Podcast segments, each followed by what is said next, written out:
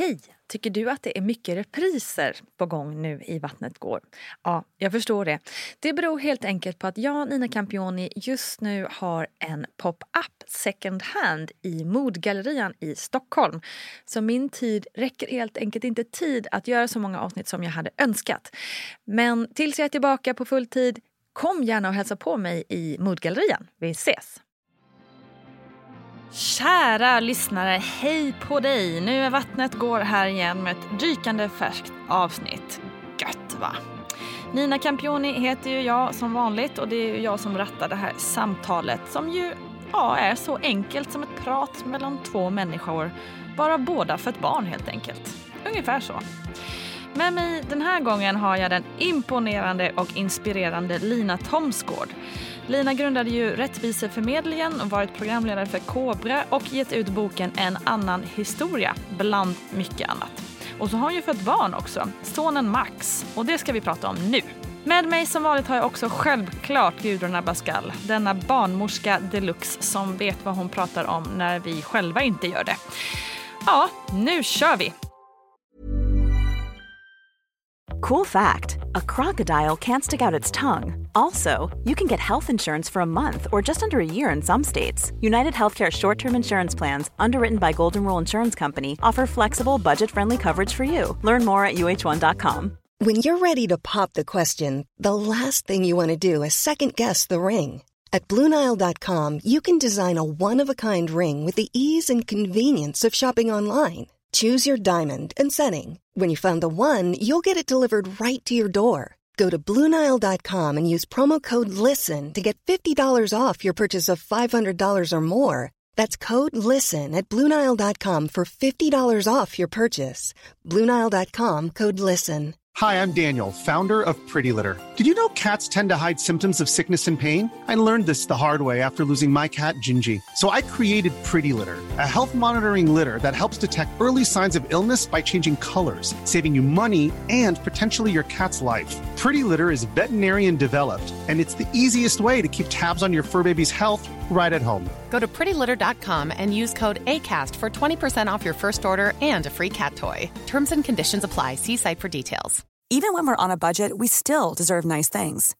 Quince is a place to scoop up stunning high end goods for 50 to 80% less than similar brands. They have buttery soft cashmere sweaters starting at $50, luxurious Italian leather bags, and so much more. Plus, Quince only works with factories that use safe, ethical, and responsible manufacturing. Get the high-end goods you'll love without the high price tag with Quince. Go to quince.com slash style for free shipping and 365-day returns. Har du alltid velat ha barn? Nej, eh, det var...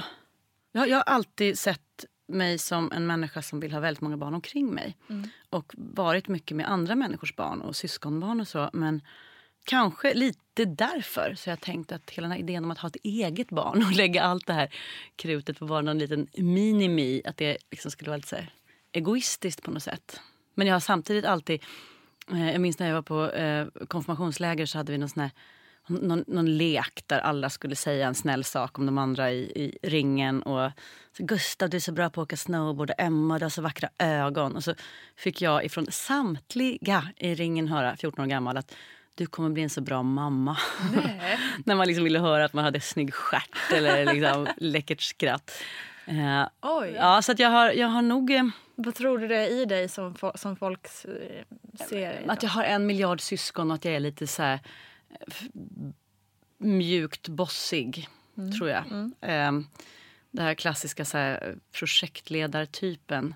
Och eh, så som vårt samhälle är konstituerat idag så är det ju ofta mamman i hemmet som är projektledare för hela bygget. Så att är man en person som både räknar ut att den där personen på kontoret fyller år så jag köper blommor på vägen till jobbet och tar anteckningar så är man nog ganska... Det är liksom egenskaper som folk förknippar med mammighet. Tänk om det inte vore så. Verkligen. Apropå det, hur så, såg du på liksom, hela grejen att skaffa barn, mammarollen, familje, em, liksom, relationerna utifrån jämställdhetsperspektivet? Eh, ja, jag har liksom i mitt liv försökt undvika ganska många av de här arenorna som är så tydligt mallade för hur, så här, vem som ska göra vad.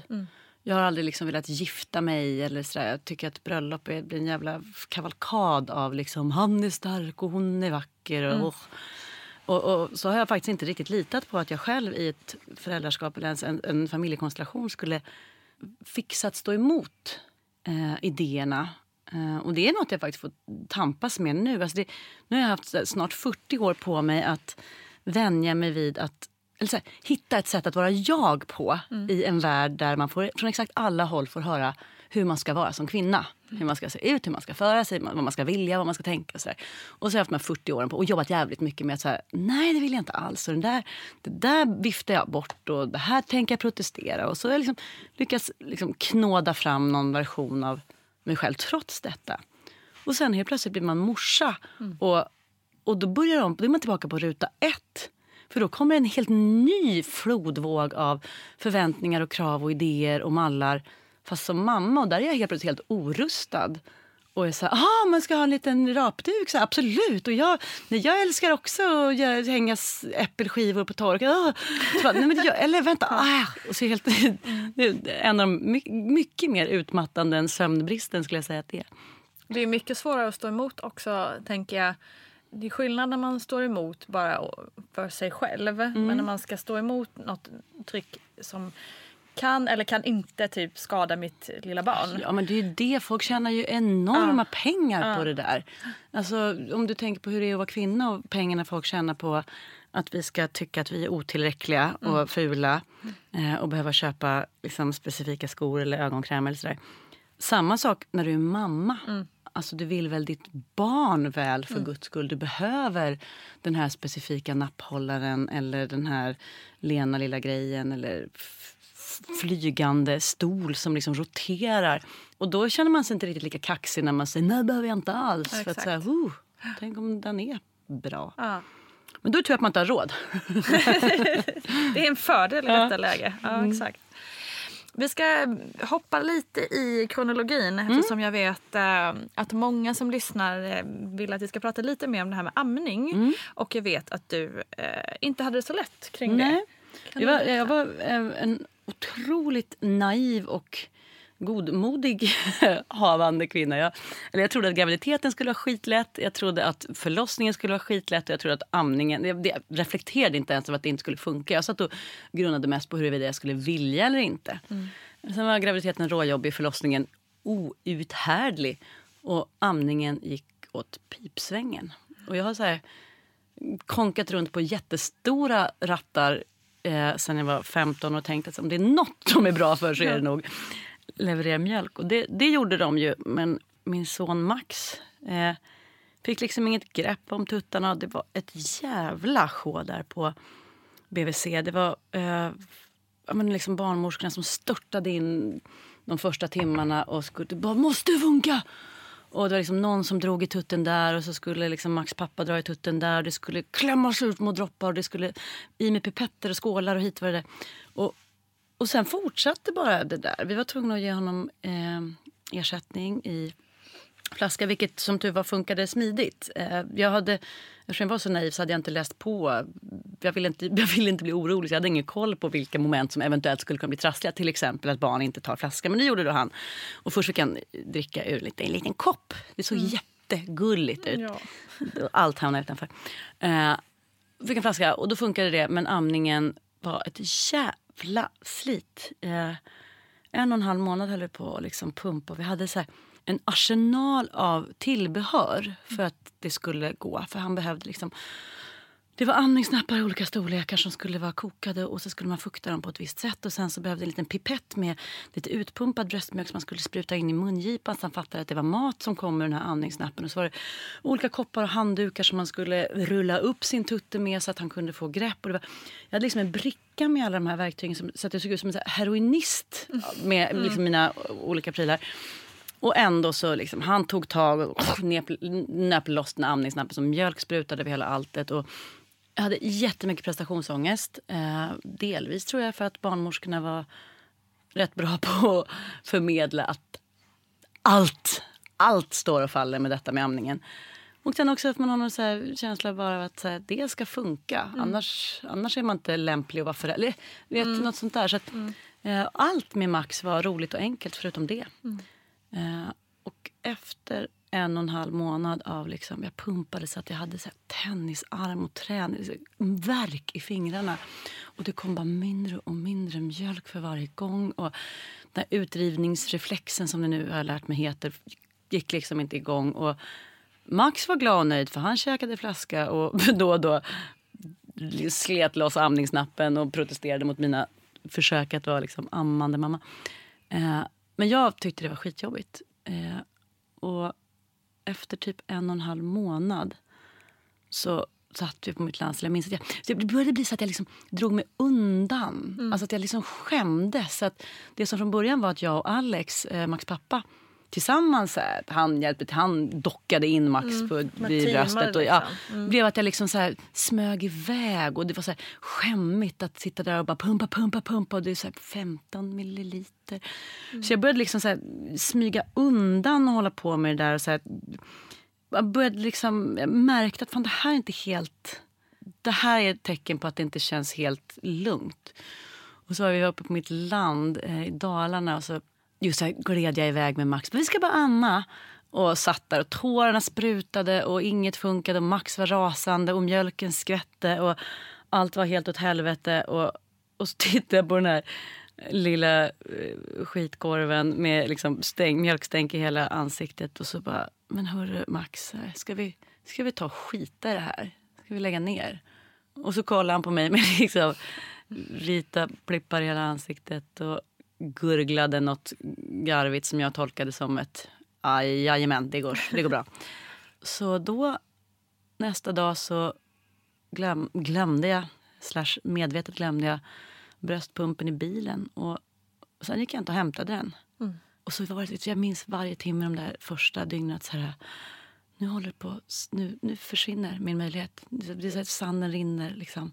timglaset det blir mindre och mindre och mindre. Jag kommer, nu, nu försvinner min chans att vara en riktig mamma. Min chans att ge mitt barn bästa förutsättningar. Alltså, det blev jättemånga konstiga idéer. Så jag hade, de dagarna var det att det var, var jättejobbigt. Och samtidigt så hade jag ju liksom inget val, för det gick ju inte.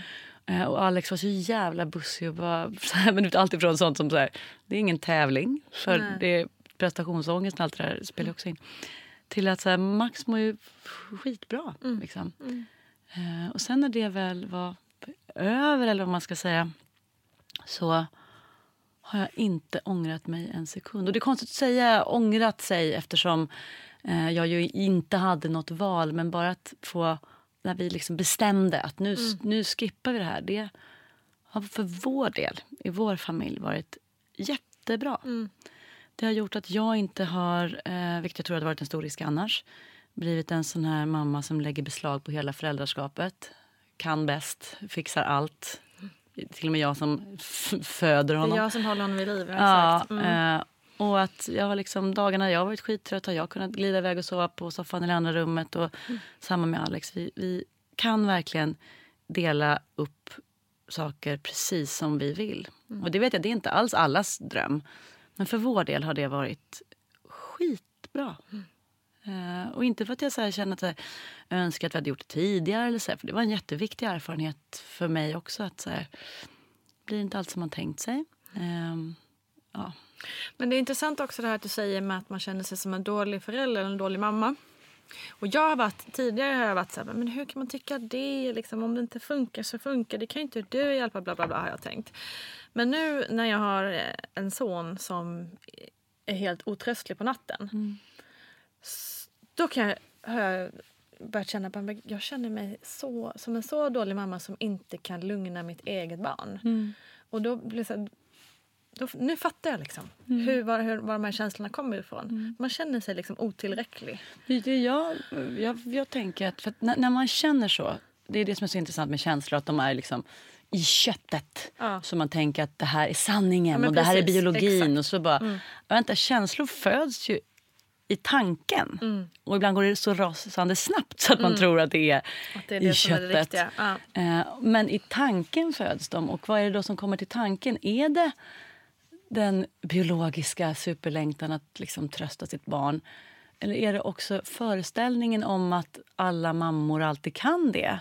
För så tror ju inte jag att det är. Nej, och det har jag ju fått lära mig nu. att Ibland så går det kanon och ibland inte. Och ibland Visst. är det bara Alex som fixar det och ibland inte. Och när jag liksom på någon så idé om vad moderskapet ska vara är så här, nu behöver han vila mot min, mitt bröst. Och, och Alex tar honom och kastar upp honom i luften. Så bara, nej, det hjälpte ju jättemycket bättre. Mm. Mm. Än min, liksom, mm. mitt förinspelade, det manuset som jag då tror att jag ska följa om hur en öm moder ska vara. Exakt. Och det, där, det är en stor del av det här jag menade med att så här, hur ska jag vara mamma och mig själv i en värld av förväntningar och idéer. Mm. Att den här, nu sätter jag citationstecken, instinkten som säger att nu vill jag störta fram till mitt barn. Så är det instinkten eller är det idén om vad instinkten mm. är? Mm. Eh, jag var bortrest nu, nu är Max eh, lite mer än fem månader och så var jag bortrest tre dagar för att min mamma fyllde år. Och, och så här, åh jag kommer dö utan Max. Jag grinade som då när jag åkte men sen när jag väl var där så var fy fan vad härligt. Mm. Och då blev det också, men då får jag känna så här. Ja, exakt, får man göra äh, vänta, det? Får, får jag tycka att det är gött att sova? Ja, men det är klart du tycker att det är gött att sova. Mm. Och du vet att din son har det så jävla bra och ni kommer mm. ha så himla gosigt när du kommer. Alltså, eh, och det, det är utmattande att eh, här, tillåta sig själv att vilja känna, tycka grejer som kanske inte är det som mm liksom samhällets manus Precis. föreskriver. Men det är också ja. en del av det som är spännande med hela allt. Ja, det är det. Och det är också... Det känns väl i alla fall som att vi mer och mer börjar rucka lite på de här idéerna. Ja, men jag tänker uh. bara det här med liksom sociala medier och hur folk kan mm. dela med sig. Så, alltså, visst, det kommer en gigantisk våg av bilder på liksom odreglande barn på liksom stjärnmönstrade filtar som gurglar rart medan det liksom står en äppelpaj i bakgrunden.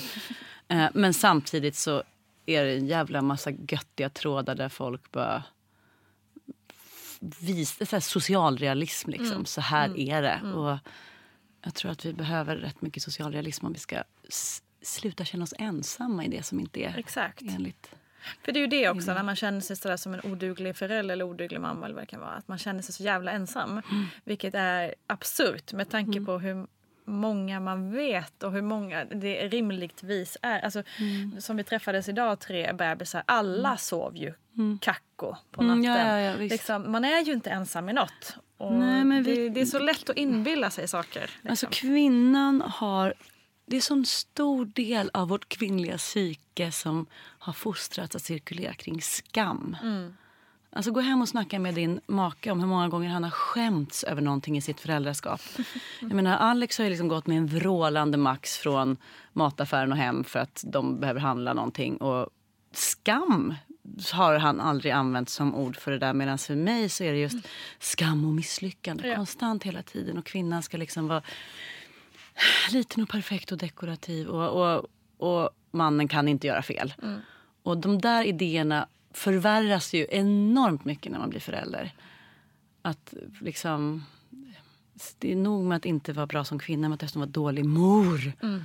För att, det värsta ja, av det värsta. Äh. Så jag tänker att nu vi, vi backar tillbaka mm. bandet mm. lite nu då. Mm. Um, det här med graviditeten då, var den mm. planerad? Du, du och mm. Alex hade inte varit tillsammans så länge va? Nej, um, vi hade varit tillsammans i... Vill du, veta, vill du veta när vi gjorde barnet eller när barnet kom? Uh, när ni gjorde kan, barnet. kan lyssnarna räkna ja, ut. Precis. Uh, vi hade varit tillsammans lite mer än ett år uh. när jag blev på smällen. Och då hade vi uh, innan haft anledningar att prata om det och hade väl sagt, jag sa någonting som låter så jävla stöddigt men Alex tyckte det var kul så han skrev det på Facebook vilket betyder att det är därför jag minns det. Men jag sa så här, men vänta nu här om, om två människor på jorden ska ha barn så är det ju faktiskt vi. Och om vi nu ska ha barn så måste vi ju ha det nu.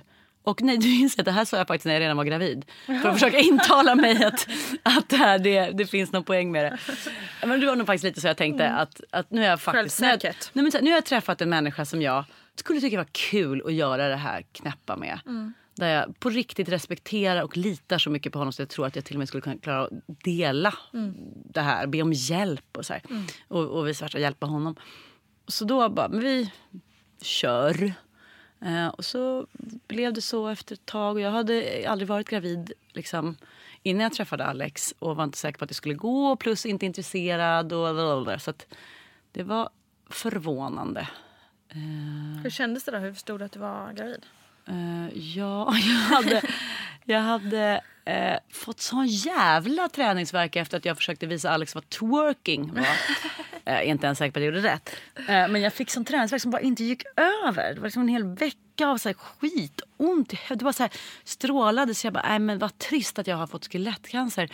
Och så gick jag till eh, någon naprapat som, ja muskelknutar här och ingenting hjälpte. Och sen så var det en läkare för att kolla upp något annat och då sa läkaren att så, ah, höften så ja, du, du är inte gravid då? Ah. Nej, eller? Och så har jag haft sån jävla oregel... Jag vet inte hur, hur utlämnande ska vara men jo, lyssnarna, nu ska ni få höra. Ska ni få höra om min menscykel.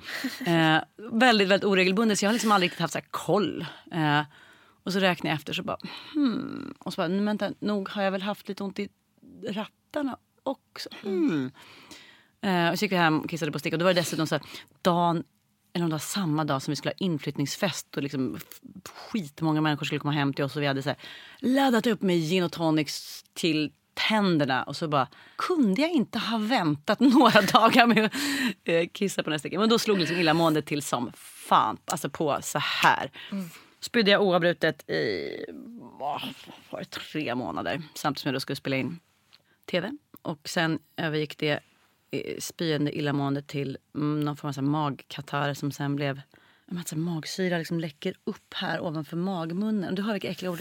Magsyra upp i magmunnen. Det är något som äldre herrar brukar eh, komma in till akuten och tro att de har fått hjärtinfarkt för att mm. det gör så mm. ont. Och det är också en av de sakerna som kan hända när, det är hormonellt tydligen, det är att här, när kroppen börjar producera alldeles för mycket magsyra utan att den har någon anledning, för jag har inte Just ens käkat något. En av alla skitgrejer som drabbar gravida kvinnor. Mm. Så då hade jag ont och det var jobbigt. Men inte så jobbigt som förlossning. Men du hade det här hela tiden? Alltså he ja, det var några månader. Dag, det där, den där liksom. glory mittenperioden som var okej. Eh, men jag hade liksom den här då foglossnings... För det var det som det började ah, med. Foglossningen. Okay. Det var mm. det som var twerking-smärtan. Ah. Eh, och hade... Ja men det var, det var inte många dagar där allt var kanon. Faktiskt. Eh, men det tror jag, så här i efterhand, nu är jag ju maniskt optimistisk. Jag tänker att det finns en mening med allt. Mm. Men det var väldigt lärorikt för mig att kroppen fick liksom lära sig att... Eh, säga, eller jag, psyket, fick lära sig att lyssna på kroppen och kapitulera lite. Mm. Uh, och det har varit kommit till användning nu när jag har en liten chef på 8,6 mm. kilo som ibland inte alls vill det jag vill. Att bara, nej, det blev inte som jag tänkte. Men gjorde inte du tv också under den här perioden? Jo, och jag För låg Det är ju en jävla här... skillnad att sitta liksom i, som jag när jag var gravid hem, hemma skrev på ett litet manus och kunde sitta ja. i soffan liksom. Till att jag vara på tv och synas. reste fram och tillbaka över jordklotet och låg så i rännstenen vid någon italiensk motorväg och så skakade i smärtor för att jag hade råkat ta min medicin liksom lite för sent för att jag höll på att göra en intervju och så skulle jag så här jag låg där liksom en och en halv timme och hade så jävla ont och sen skulle vi vidare och intervjua någon liksom världsberömd forskare och jag mm. hade så, ja men det var så sjukt och det blir så intressant att se så här, hur långt jag egentligen vill pusha mig för mm. att inte vara klen, en klenis. Ja, ja. Eh, och det, det var långt. Eh, och det ska jag inte göra om. mm. Kan du se, äh, har du sett de här programmen i efterhand efter du? Nej, jag har inte tittat på några. Eller jag, jag, vissa av dem för att vi var redaktionen samlades och såg dem. Men, men generellt så tycker jag att det är äh, lite att se sig själv. Men det ska bli roligt sen. Jag tänker när ett av avsnitten som vi spelade in som var jätteroligt. En, en sexkvinnosekt eh, i Skottland. Just det, det Då var jag höggravid och de, eh, det var ett rockband som hade gått under jorden och inte gett några som helst intervjuer på 15 år. Och så skrev min fantastiska kollega Erik till dem att vi vill jättegärna göra en intervju. Och så svarade de att de hade haft en speciell känsla kring just det här. med De har tackat nej till allting och BBC och så, eller i 15 år. Men kring just det här fick de en speciell känsla. De gjort någon ritual och bestämt sig för att nej, men det, det hade något, eventuellt. Och så berättade Erik att TV-host också är gravid och de bara ni måste komma och så skulle vi då, och fick vi åka dit när det var liksom mån, äh, mån, fullmåne. Och de gjorde någon ritual och de gav mig ett läderband som skulle liksom bless me och Max och de, som jag skulle Uh, when labour starts cut it into and uh, throw it in the fire. And if you have no fire just throw it in the bin. Och Okej, så det spelar ingen roll från Nej, så vi fick någon till blessing av 16 sex häxor. Eh, och det tänker jag ska bli roligt att visa för Max när han Ja, är det är spännande. 30. Så när förlossningen startade, kastade du den i elden? Jag hade ingen eld och jag hade inte heller hjärta att kasta den. Så att, och det Nej, jag, jag jag, tänker att jag ska inte- skriva till häxorna och höra om de kan liksom ändra receptet så det, så det inte ger oss något anti-blessing att höra det där Exakt. lilla läderbandet. Otur i in. Och 30 jag har år här, istället. liksom knallrosa plastficka som liksom har blivit min så här minnes... Öser ner de här liksom grejerna som jag tänker att jag kan bli rörd av i framtiden. Bland annat detta läderarmband. Men jag, vi klippte av det, det gjorde vi. Det gjorde ni? Mm. Okej. Tänkte inte Max kommer sen när han är 30 bara vad fan mamma, nu har jag haft otur här. Mm. Ja men exakt, exakt. Okej. Mm. Vad hände då? När, när, hur visste du att det började vara på gång? Eh, ehm, jag hade gått över tiden i, var det en vecka ungefär? Och var som alla andra, så här, det blir ingen barn. Eh, onödigt länge, jag har varit onödigt tjock men ändå, det blev inget barn. Eh, och sen så vaknade jag på natten av att jag hade det som folk beskriver som så här mensvärk, lite mm, susande. Eh, och som blev mer och mer och så tänkte jag att nu, det är det här de pratar om. Verkar. Och så hade Alex någon sån här app. Det är så roligt hur liksom eh, hans, många pappors sätt att delta i liksom just det där räkna och kolla verkarna. Min brorsa har en jättegullig här liten post-it-lapp sparad när han blev farsa för ganska länge sedan. Då han har skrivit så här, 1607 till 16. Så här. Eh, alltså att en sån app där man skulle fylla, därför att man kunde fylla i så här. Man höll inne så länge som verken varade och sen skulle man också betygsätta en smiley hur ont det gjorde. Från liksom medel till jätteont, röd, arg gubbe-smiley. Och jag sa, äh, men nu, nu river det i lite här. Kör röda arga gubben. Och Alex bara, är du, är du helt säker? Är det max ont nu? Man bara, ja då, det, det känns. Tidsklipp liksom ett dygn senare när jag liksom störtade ut genom fönstret av smärta. Eh, så höll det på så. Eh, och, vi fick, och vi fick åka in till eh, jag hamnade på Karolinska. Vi skulle ha varit på SÖS men det var fullt. Och så, så blev vi skickade till eh, Södertälje. Får jag pausa där och Ja. fråga hur kändes det när det var fullt där? Tyckte du det var jobbigt? Eh, något så förbannat. Ja. Ehm, jag var inte beredd på att jag skulle tycka att det var så jobbigt. Men, men vi bor ganska nära SÖS. Jag, hade någon, jag föddes på SÖS och jag var inte medveten om att det hade liksom blivit en sån grej för mig. Att jag vet vart jag ska. Och sen bara, nej nu ska vi till Södertälje som jag eh, pluggat i och bara, men det är ju skitlångt och det höll också på att bli fullt så då skulle vi kanske behöva åka till Gävle och bara, nej men vi, alltså det, vi, vi skiter i det, jag vill inte. Och då ringde Alex själv runt till sjukhuset och kollade att det verkligen inte fanns några platser. Då fanns den på Karolinska. Så åkte vi dit och jag hade så ont så att det, alltså det, skelettet skakade. Alltså det var som att kroppen gick i en miljard bitar. Eh, och, och jag- den här taxiresan var liksom helt omänsklig. Och jag är, så här, jag är rätt tuff. När grejer, gör, när andra är så här, Åh, visst gör den där grejen ont. Man bara, nej, känns knappt. Så att jag var det. helt oberedd på att jag kunde ha, att jag verkligen kunde känna att jag klarar inte det här. Och så kom vi in och så stack den här rara barnmorskan in näven och bara, nej du är inte öppen alls. Så hela den där plutten, vad det nu heter, på livmoder, allt det var kvar. Så då blev jag hemskickad Med de Nej. här smärtorna? med de här smärtorna. Och det var så... För då, då, alltså jag hade liksom... Jag är jätteglad att jag inte hade lärt mig så mycket om hur det går till innan. Men samtidigt så... Allt det som jag nu vet är vanligt blev ju för mig så här... Fy fan vad dålig jag är på att föda barn. Jag har liksom inte ens börjat öppna mig. Och då hade jag ändå haft ont i liksom ett dygn. Ett dygn av verkar. Men var det såna här pinverkar då? Ja, Kallar- exakt. Och det vet jag nu. Jag har en- faktiskt en släkting som håller på och forskar kring det. För att det är ju Mhm. något som är helt sjukt. Att så många kvinnor ska ha så jävla ont. Utan, Utan att man att kommer minsta steg närmare skit, målet. ja. Men det kan ju också, nu kommer optimisten i mig, kanske här, det, kanske, jag kanske behövde det extra mycket. Jag kanske var så jävla Mm. eh, stöddig och så, här, fys, så, här, så jävla övertygad om liksom, min fysiska osårbarhet. Så att du skulle att bli jag lite mer ödmjuk ja, inför- exakt.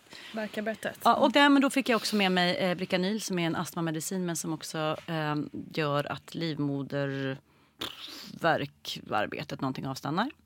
Eh, morfin, eh, lite andra kuckelimuckmediciner. Så då kunde jag sova några timmar, sen vaknade och så drog det igång igen. Men du fick det att gå hem då? Ja, för hon, sa, hon okej. såg på mig att jag orkar inte Nej. mer. Eh, så då liksom avbröt vi. Det är det man, man avbryter Okej, värkarbetet. okej. Mm. Och då tänkte jag verkligen nu det kommer inte sätta igång igen. Sorry bebisen, du blir kvar där inne. Mm. Men det satte igång sen dagen efter, eller på morgonen. Och då gick det ganska snabbt tills det blev riktigt ont igen.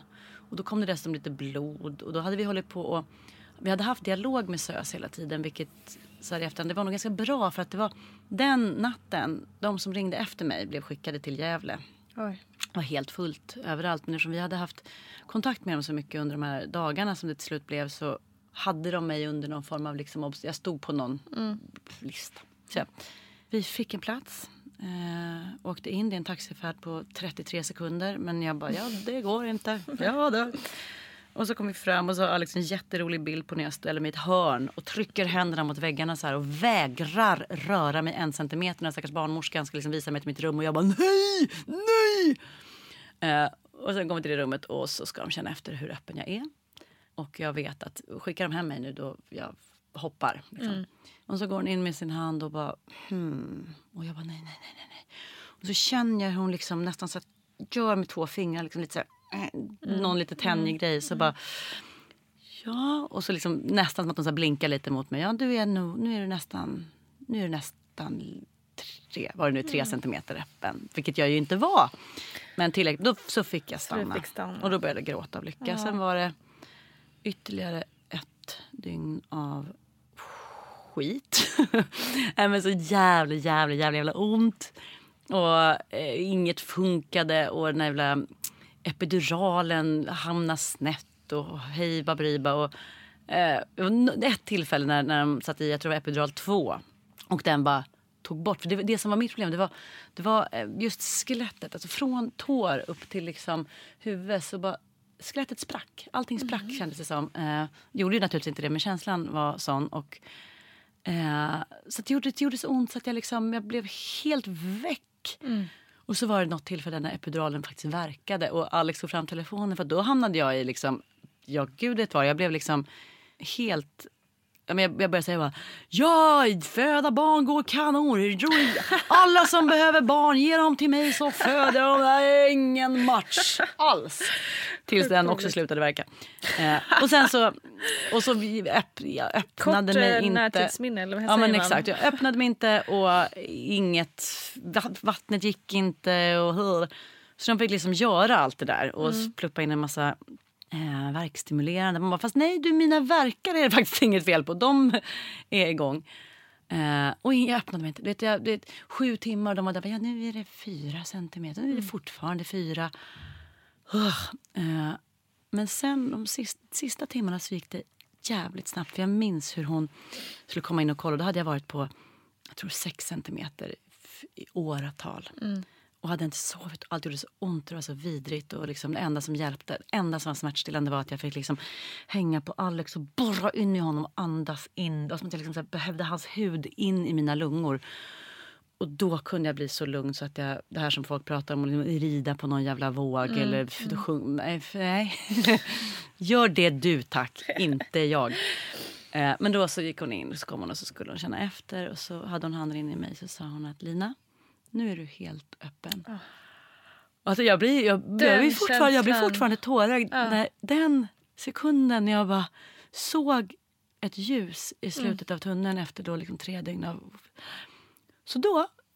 Och då var, då var ju han liksom fortfarande långt uppe i kaggen och skulle liksom ner genom den här skelettkorgen och han skulle vrida sig och det ena med det andra. Men det struntade jag i utan bara, nu ska han ut. Och då tror jag också att jag kände att jag orkar inte mer. Det måste ske nu. Och då bara, "Huh!" och då fick de liksom i panik rusade in liksom, läkare och kirurger och sjuksyrror med liksom inplastade från topp till tå. Och det är liksom lite alarmlampor. Bara, nu jävlar. Så här och så hade vi som tur var där på SÖS så var det någon norsk superläkare som var expert på just det här sprickmotarbete. Hon var där för att lära dem om det, hur man skulle hålla emot och när jag skulle krysta och inte och andas och hit och dit. Och jag tror att jag mestadels struntade i vad de sa för att Mm. jag bara Ut, bebisen ut, ska ut, ut, Ja. ut, ut. Så det gick på liksom ett par minuter så hade jag bajsat ut detta Wow. höghus. Och det, ska jag säga, för det här vet jag också jätteolika, det var inga problem. Alltså den, så här, problem absolut och det sprack och hej vad mm. men, men smärtan var en puss jämfört med hur verkarna var. Och för andra är ju, jag har ju vänner som bara, det susade lite i magen och sen var jag helt öppen och sen gjorde det ont när de födde. Eller kanske inte ens det. Eh, vilka jävlar. Eh, men men, men den, det där, man bara, jag, jag vet ju vart jag ska. Bebisen ska ju ut liksom. Eh, så det var inga problem. Och sen kom man ut och då var, det blir så här, lyckligaste stunden på jorden för jag har inte ont längre. Nej, exakt. Så den här liksom vackra första bilden med bebisen på mitt bröst. Så jag minns hur jag låg och var lyrisk och lycklig. Och, för jag hade inte ont. Och sen låg det en, bebis här, absolut. Fantastiskt. Men jag har inte ont.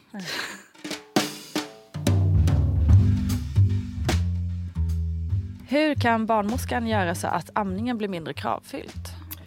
Ja, det är ju faktiskt så att vi har kallats för amningsfascister av någon anledning.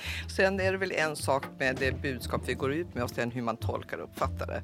Men visst kan jag förstå ibland att, att det, är on, det kan verka on demand. Och, eh, ja, det är svårt att säga för jag tror att det är väldigt personligt men man kanske kan vända på det och ställa frågor till kvinnan istället. Vad vill du veta och vill du, vad ska jag berätta och vad, vad känner du för amning? Vad är din inställning själv till amning och sen utgå ifrån den situationen. Man ska ju veta som kvinna att det är ju ett fritt val. Absolut, och vi ska ge informerade val och inte tala om vad kvinnor ska göra om man tänker så. Pinverkar, vad är det? Aj, aj, aj, aj, oj, oj, oj, vad hemskt. Uh. Nej, men det är när kvinnan har så smärtsamma sammandragningar eller verkar, men som inte gör att modermunnen öppnar sig eller att barnet tränger ner, att förlossningsarbetet inte går framåt. Man vet inte så mycket om det där och det är väl att det blir inte, man tror att själva eh, vågen som verken gör i livmodern går åt, kan gå åt fel håll på olika sätt och då får man inte den effekten att modermunnen öppnar sig och barnet tränger ner. Så ont i onödan känns det nästan som. Ja, verkligen så kan man säga.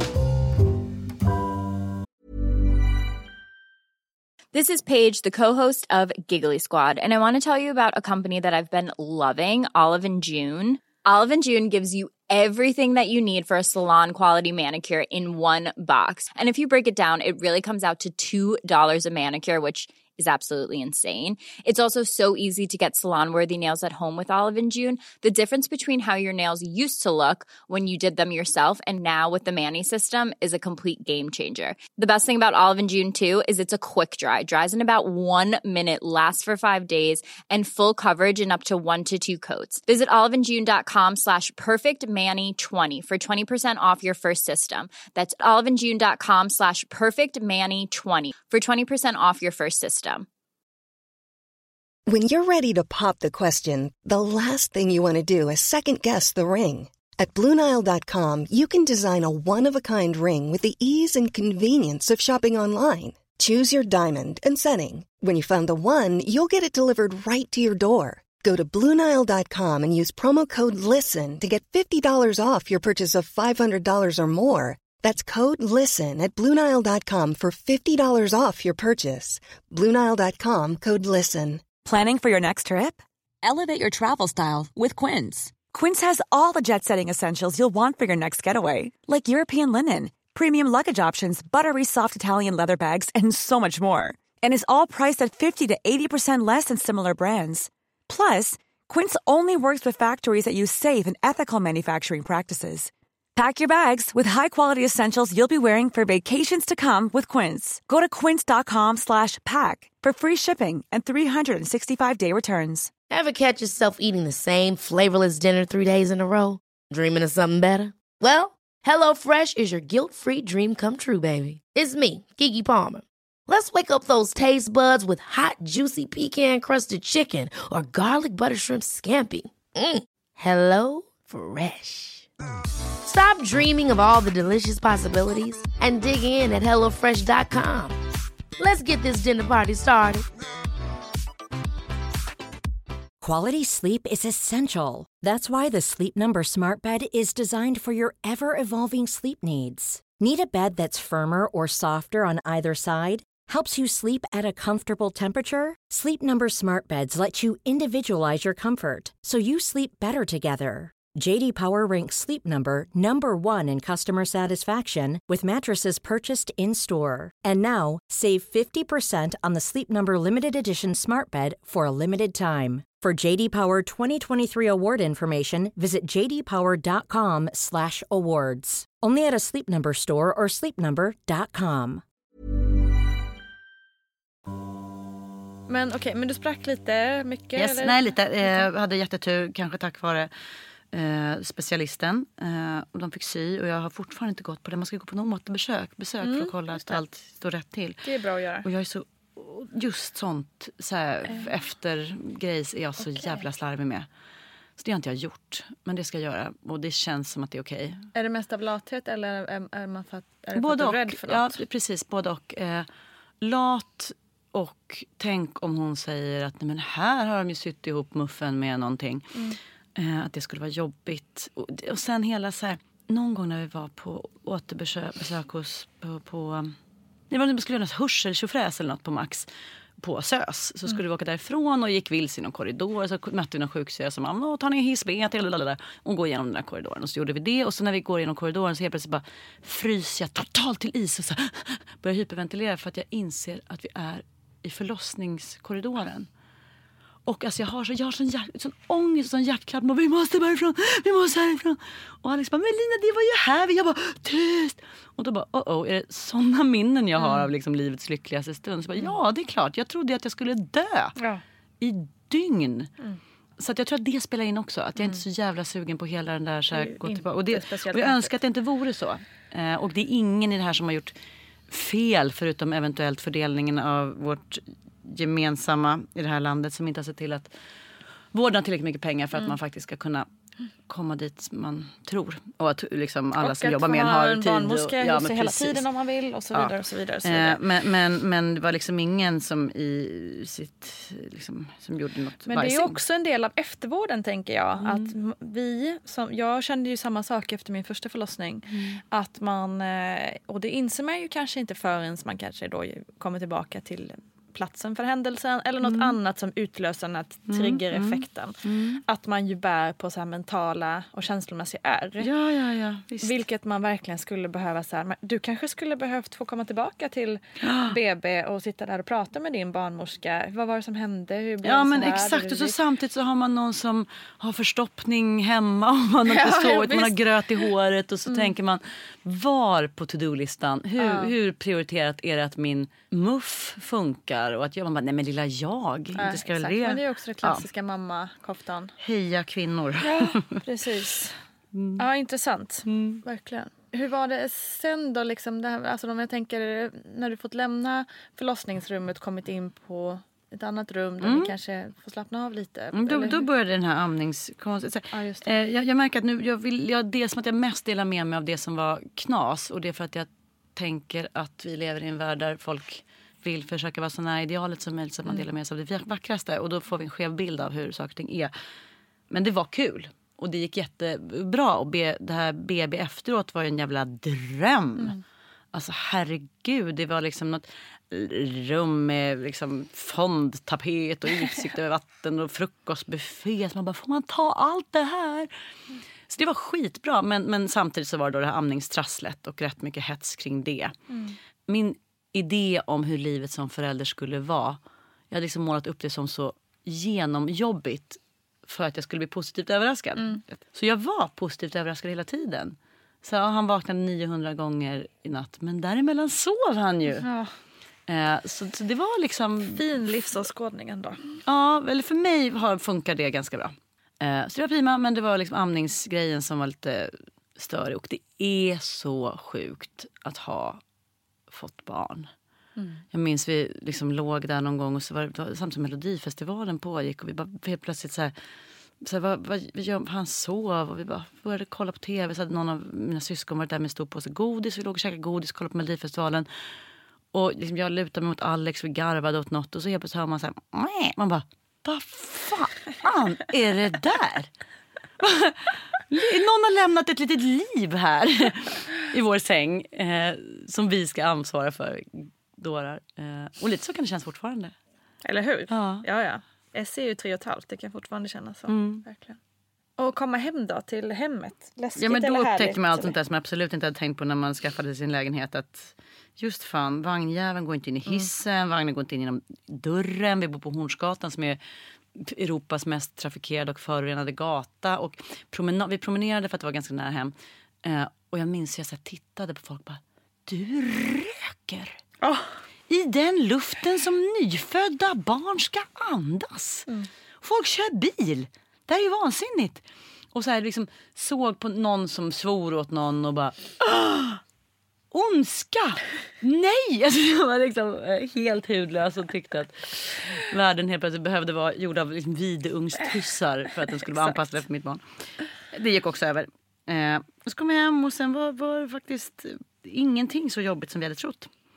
Ehm, och jag vet att för andra är det annorlunda. Eh, och många gånger när jag jämför med Ja men du vet folk som bara det är oerhört vi brutit samman, vår bebis vaknar fyra gånger per natt. Man bara vår vaknar fem gånger men det är inte jag trodde att vi inte skulle sova alls.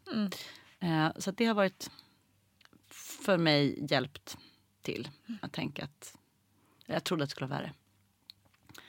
Så det har gått bra. Max är eh, glad och tålig och vi fick ju barn då alltså i början av sommaren. Så att då är alla lediga och släktingar och vänner som vill gosa med sin lilla bebis. Och då, jag har aldrig varit speciellt noggrann med sån här med så här, ah, utgångsdatum och renlighet och sånt. Så att vi var inte sådana där föräldrar som är jättenojiga med handsprit och att de inte ska få bli gossade med av främlingar. Utan det är liksom, när vi var i Malmö, som Max pappa kommer från Lund, så då kom det fram folk på gatan och bara Åh mamma Mia får jag gossa med den? Man bara absolut puss. Och det är så här, tandlösa människor som pussade på honom. Man bara ja ja ja det är bra för bakteriefloran. Och det har det varit. Han har varit väldigt osjuk och eh, blivit väldigt van vid människor. Eh, och så har vi, eftersom det då amningen inte funkade så har vi kunnat göra rätt mycket grejer som jag inte tror att jag hade orkat om jag hade eh, känt att jag fick dra ett så pass stort lass som det ändå är att amma. Så vi kunde liksom resa och vara lite på festivaler och göra sådär. Så det har varit jätte... Det var kul. Alltså kul, och det är det jag brukar säga när folk liksom säger hej är det Härligt bra? Att, så här, att höra. det är bara så här, LOL och asgarv kul. Inte liksom så här, jag blev en hel människa. För att nej, jag har fortfarande mina åderbråck och mina tvivel. Men, men eh, jag skrattar mer. Eh, alltså, och just det här liksom springa ut från toan med brallorna i knävecken för att Alex bara Lina, Lina, kom! Kolla Max han kan slicka på sin näsa. Man bara åh gud vad gulligt. Eh, så, så kul. Härligt. Mm. Hur tänker du då utifrån jämställd? Jag måste ju ändå fråga lite jämställdhetsfråga här Mm, som jag är ett äkta proffs. Så här, så, att få en son kontra att få en dotter. Hur tänker man i hela den här... Eller jag tänker mycket på det nu för nu har jag ju en av varje. Och jag tänker ju jättemycket då liksom, ja men båda, jag måste lära dem det här med integ- integritet, jätteviktigt. Att liksom inte låta någon annan göra något som man inte vill. ehm, och så vidare och så vidare. och så vidare. Och så tänker jag så här, okej nu har jag en son här. Hur ska jag få honom att bli framtidens man? Liksom? Hur tänker du kring de här frågorna? Eh, jag har många tankar. Eh, min reaktion när vi fick veta att det var en son. Då hade jag, jag var helt bombis på att det skulle vara en tjej. Bara för att jag, jag tror att man generellt går och tänker att om man någon gång blir förälder så blir det en mini-me. Och sen när jag väl träffade Alex så bara vänta han är också med i det här. Vad skulle vi ha? Ska han? Eh, och så, blev, fick vi veta att det var en pojke. Och för att när vi gjorde ultraljudet så hade det varit en jättesnorre på bilden så det gick liksom inte att undgå att se det. Eh, nu är det normal stor kan jag berätta så folk inte gör sig idéer. Eh, men då hade jag i alla fall någon så här några dagar när jag funderade på så vänta, vad innebär det här för mig. Hmm. Och så sa min kompis så klokt att hon, när hon fick veta att hon väntade en pojke, att hon blev så himla lättad. För att hon insåg att hon som tjej, att man dras med så många så här, lite så här inlärda självhatsmekanismer om liksom hur man borde vara, borde uppföra sig, vad man borde göra. Om man har en dotter så kanske det finns en lite större risk att man liksom för över Mm. de där idéerna på sin dotter. Mm.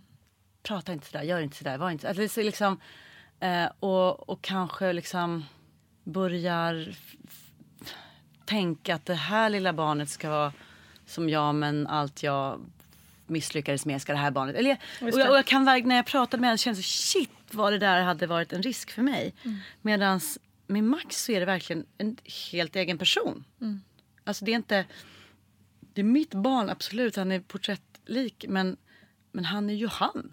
Och att det är mycket, det är, jag, har, jag kan förhålla mig till honom eh, på ett sätt eh, åtminstone inte behöver oroa mig för att jag på samma sätt håller på och projicerar en massa eh, grejer. Men, men, men jag vet inte. Det är, det är ett sätt att se på det. Men sen är det ju liksom... Det är, det är han. Och lika lite som det är så här... Mitt rödhåriga barn, vilket han är, så är det liksom mitt pojkbarn. Det är, det är, en, det är Max. Liksom. Sen tänker jag, apropå att så här, fostra honom till att bli en jämställd människa. Det jag har haft hjälp i mitt liv, både att ehm, ifrågasätta hur jag behöver vara och inte. Och, och liksom de här idealen och idéerna. Och att fatta hur det är för andra. Det har ju varit att jag har haft jävligt många killar i mitt liv. Eh, fyra brorsor och sen en massa vänner som har varit. Alltså, vet slumpen. Liksom, han som bodde bredvid på gatan var en kille och han som bodde mitt emot trapphuset var en snubbe. Och så lekte vi. Och så, eh, det tror jag är en nyckel. Så att jag kommer göra precis allt jag kan för att göra, ge, ge Max bra förutsättningar att få tjejkompisar. Eh, både för att man slipper de här homogena grupperna där liksom könsstereotyper verkligen frodas. Eh, och att man kanske får fatta lite mer hur det kan vara för någon annan. Eh, och det kan jag ju verkligen se att i både samhällen, då pratar jag om liksom svenska högstadieskolor där det inte är liksom vanligt. Att man, man märker att det gör skillnad för hur man ser på så här, den andra och vad, hur, liksom, hur man kan respektera. Och, och bara så att liksom, han ska fatta vad mensvärk är. Eh, han ska förstå vad, i den mån man kan, vad det innebär att ha andra förväntningar på sig så att han också kan eh, kanske förhålla sig lite nykter till vad som förväntas av honom. Men jag tror att det jag bäst, det kan jag bäst är att se till att han får vänner av alla möjliga kön och att han blir en bra vän.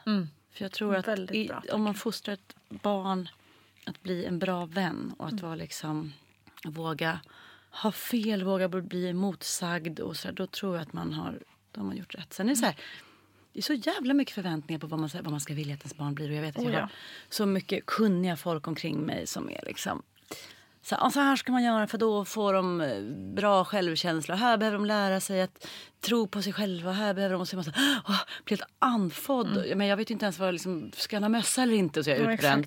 Men när det kommer till just det här, att för barnet ska liksom känna sig så jävla fulländat och starkt. Och, och så sa, vi har pratat med Alex om det, att fan vad svettigt det är att liksom när, om han beter sig liksom jobbigt på det här sättet när han är två eller tre år så ska vi liksom göra så här för att han annars kanske hans själv, självkänsla blir hit eller dit. Så Alex bara, men vänta fan det här, så här de människor man känner med så här fullkomligt fantastisk självbild och självkänsla, de är ju as. Fan, det är inte hela världen om, liksom, så här, om vi nu blir lite för stränga eller liksom missar att bekräfta hans minsta lilla... Så här, det kanske är precis det som behövs för att man ska bli en människa som funkar med andra. Jämställdhet inom mödravården. Hur jobbar man med det? Idag så går ju vi barnmorskor också lite så här och talar om att vi vill gärna att båda föräldrarna ska vara med på alla kontroller och så vidare och det, vi klappar händerna för det, och tycker det är bra. Men sedan så visar det då när man frågar då partnern som är med att den inte tycker att den får kanske inte så mycket uppmärksamhet som man vill ha. Så att det, det finns ett missnöje där. Och man tycker att, ja men ska jag följa med barnmorskan pratar ju bara med, med liksom, min kvinna och inte, inte med mig. Sen kanske man kan säga till partnern, men då får du ta ett eget initiativ också kan jag tycka då och bryta sig att nu, nu vill jag prata. Så. Sen finns det ju också, tycker jag, när jag frågar eh, partners om det här så säger de så här, ja nej men alltså, det är jätteroligt att vara med och nej, men jag tänker bara så här, nej, men jag sitter här och lyssnar och sen gör jag som de säger. Så, så det finns ju olika varianter av det. Så.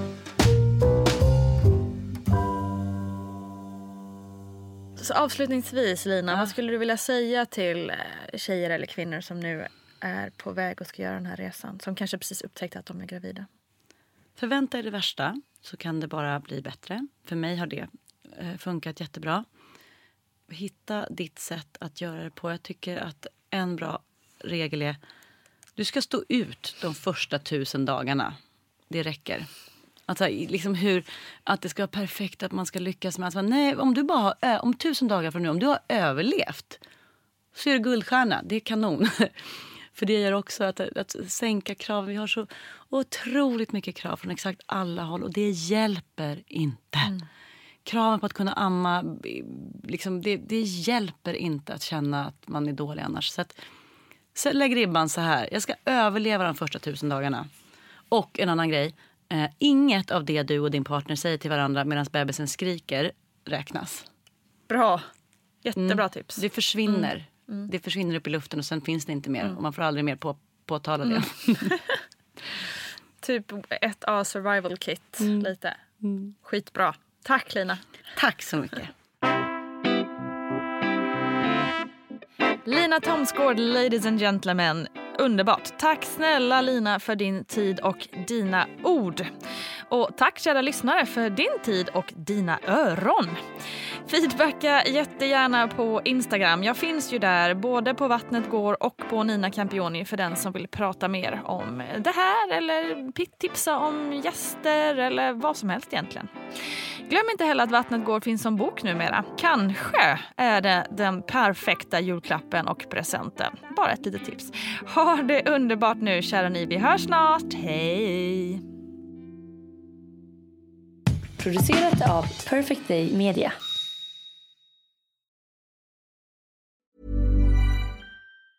Hi, I'm Daniel, founder of Pretty Litter. Did you know cats tend to hide symptoms of sickness and pain? I learned this the hard way after losing my cat, Gingy. So I created Pretty Litter, a health monitoring litter that helps detect early signs of illness by changing colors, saving you money and potentially your cat's life. Pretty Litter is veterinarian developed, and it's the easiest way to keep tabs on your fur baby's health right at home. Go to prettylitter.com and use code ACAST for 20% off your first order and a free cat toy. Terms and conditions apply. See site for details. Planning for your next trip? Elevate your travel style with Quince. Quince has all the jet setting essentials you'll want for your next getaway, like European linen, premium luggage options, buttery soft Italian leather bags, and so much more. And is all priced at 50 to 80% less than similar brands. Plus, Quince only works with factories that use safe and ethical manufacturing practices. Pack your bags with high-quality essentials you'll be wearing for vacations to come with Quince. Go to quince.com slash pack for free shipping and 365-day returns. Hey, it's Paige DeSorbo from Giggly Squad. High quality fashion without the price tag. Say hello to Quince. I'm snagging high-end essentials like cozy cashmere sweaters, sleek leather jackets, fine jewelry, and so much more. With Quince being 50 to 80% less than similar brands and they partner with factories that prioritize safe ethical and responsible manufacturing. I love that. Luxury quality within reach. Go to quince.com slash style to get free shipping and 365 day returns on your next order. quince.com slash style hi i'm daniel founder of pretty litter cats and cat owners deserve better than any old-fashioned litter that's why I teamed up with scientists and veterinarians to create Pretty Litter. Its innovative crystal formula has superior odor control and weighs up to 80% less than clay litter. Pretty Litter even monitors health by changing colors to help detect early signs of potential illness. It's the world's smartest kitty litter. Go to prettylitter.com and use code ACAST for 20% off your first order and a free cat toy. Terms and conditions apply. See site for details.